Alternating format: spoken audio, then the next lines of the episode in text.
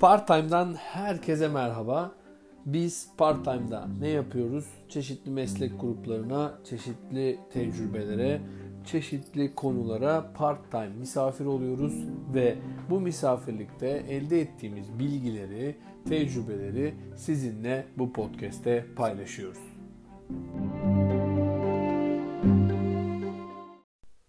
Bir hastane odasındaydım. O odada minimum 7 gün kalacaktım. Oda çok lüks bir odaydı. Sınırsız internetim vardı. Telefonlarım yanımdaydı. Bilgisayarım yanımdaydı. Yani odada vakit geçirmek için her şey vardı.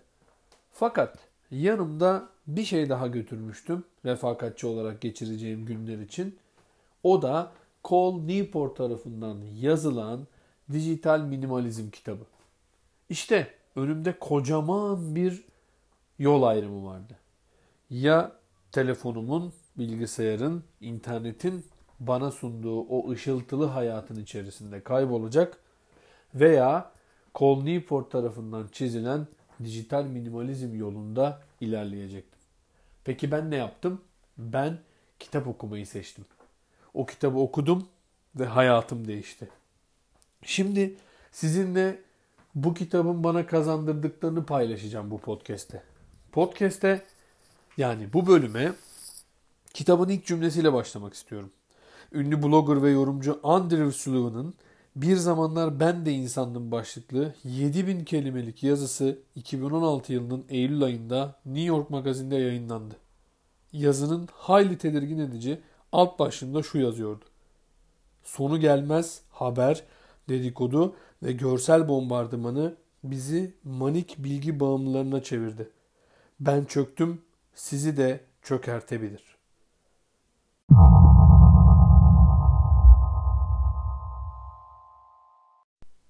Evet, bahsettiğim bu kitabı okudum ve hayatım değişti. Bu değişimi seninle paylaşmanın faydalı olacağını düşündüm ve bu seriyi hazırlamaya karar verdim. Serimizin adı Bu ışıltılı hayatı biz seçmedik.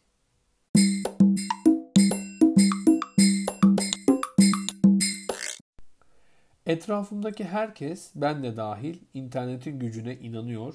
Kimsenin Instagram'dan vazgeçmek gibi bir niyeti yok.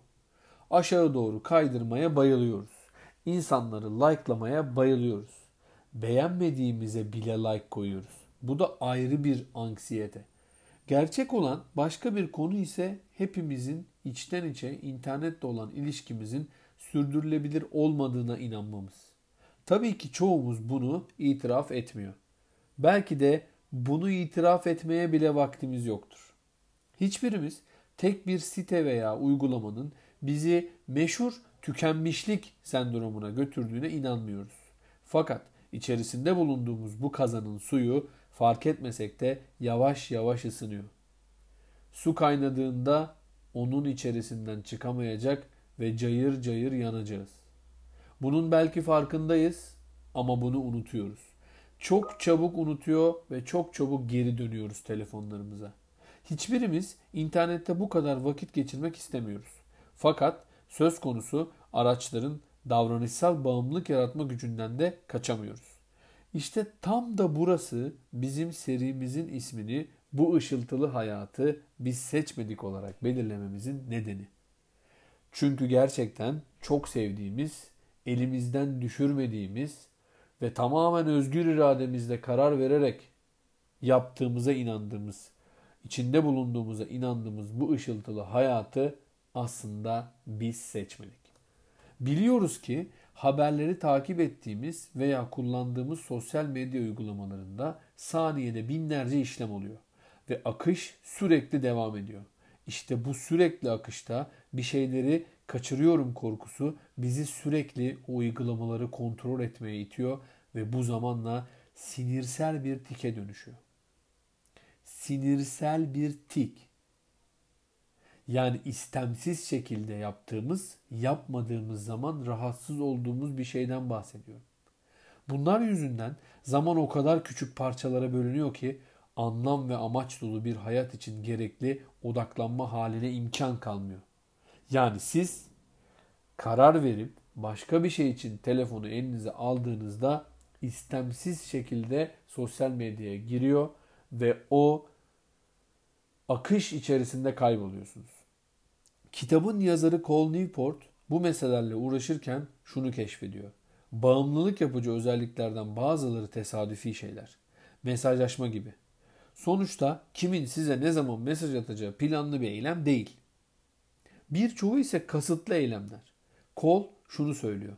Sosyal medya iş planları temelinde saplantılı kullanım yer alır. Bakın tekrar ediyorum. Sosyal medya iş planları temelinde saplantılı kullanım yer alır. Yani sosyal medya platformları oluşturulurken çıkarılan iş planı içerisinde insanların saplantılı kullanıma elverişli hale getirmek vardır. Bundan daha tehlikeli bir cümle olabilir mi? Saplantılı kullanım. Kolun yorumu şu. Kaynağı ne olursa olsun gerçek insanlar dikkatlerini nasıl yönlendirecekleri konusundaki özelliklerini kaybediyorlar. Yani özgürleştiğimize inandığımız kullanım aslında bizim özgürlüğümüzü elimizden alıyor. Hiçbirimiz bu uygulamaları kullanmaya başlarken böyle bir teslimiyeti hedeflemedik veya öngöremedik. Fakat tam da bu konu olayın başka bir yüzünü ortaya çıkarıyor. Uygulamalar veya akıllı telefonlar vaat ettikleri amaçların dışına çıktılar. Bu konuyu ileriki bölümlerde tekrar inceleyeceğiz. Gelelim kaldığımız yere. Geldiğimiz noktada ise Cole şunu söylüyor. Çok üzücü bir cümle fakat durumu çok iyi özetlediği için sizinle paylaşmak zorundayım. Dünyanın öbür ucundaki arkadaşlarımızla irtibatta olmak için üye olduğumuz uygulamalar bizi masanın öbür ucundaki arkadaşlarımızla bölünmeden dolu dolu sohbet edemeyecek hale getirdi. Çok tanıdık değil mi bu cümle? Kaç defa telefonunuza bakıyorsunuz size birisi bir şey anlatırken? Veya kaç defa pardon canım ya bir şuna cevap vermem gerekiyor. Hemen sana geri döneceğim. Veya ben seni dinliyorum. Sana bakmasam da lütfen yanlış anlama dediniz bugüne kadar. Ve kaçında dikkatiniz tamamen arkadaşınızdaydı? Ben söyleyeyim mi? Hiç. Çünkü tüm aklınız, tüm dikkatiniz telefonunuzdaydı. Çünkü o an bir şeyler kaçırdığınızdan korkuyordunuz. Ama hiçbir şey kaçırmıyordunuz aslında. Zaten o kaçırdıklarınızı yakalama fırsatınız da yoktu. O kadar fazla bilgi, o kadar fazla akış var ki hepsini yakalamanız zaten imkansız. Bu bölümü burada sonlandırıp başınızı dik konuma getirmenizi ve elinizdeki ışıltıyı yavaşça yere bırakmanızı rica ediyorum. Bu bölümden sonra sizden biraz telefonunuz ve içindekileriyle olan ilişkinizi yeniden gözden geçirmenizi rica ediyorum. Bu bölümün sonuna geldik. Bir sonraki bölümde görüşmek üzere.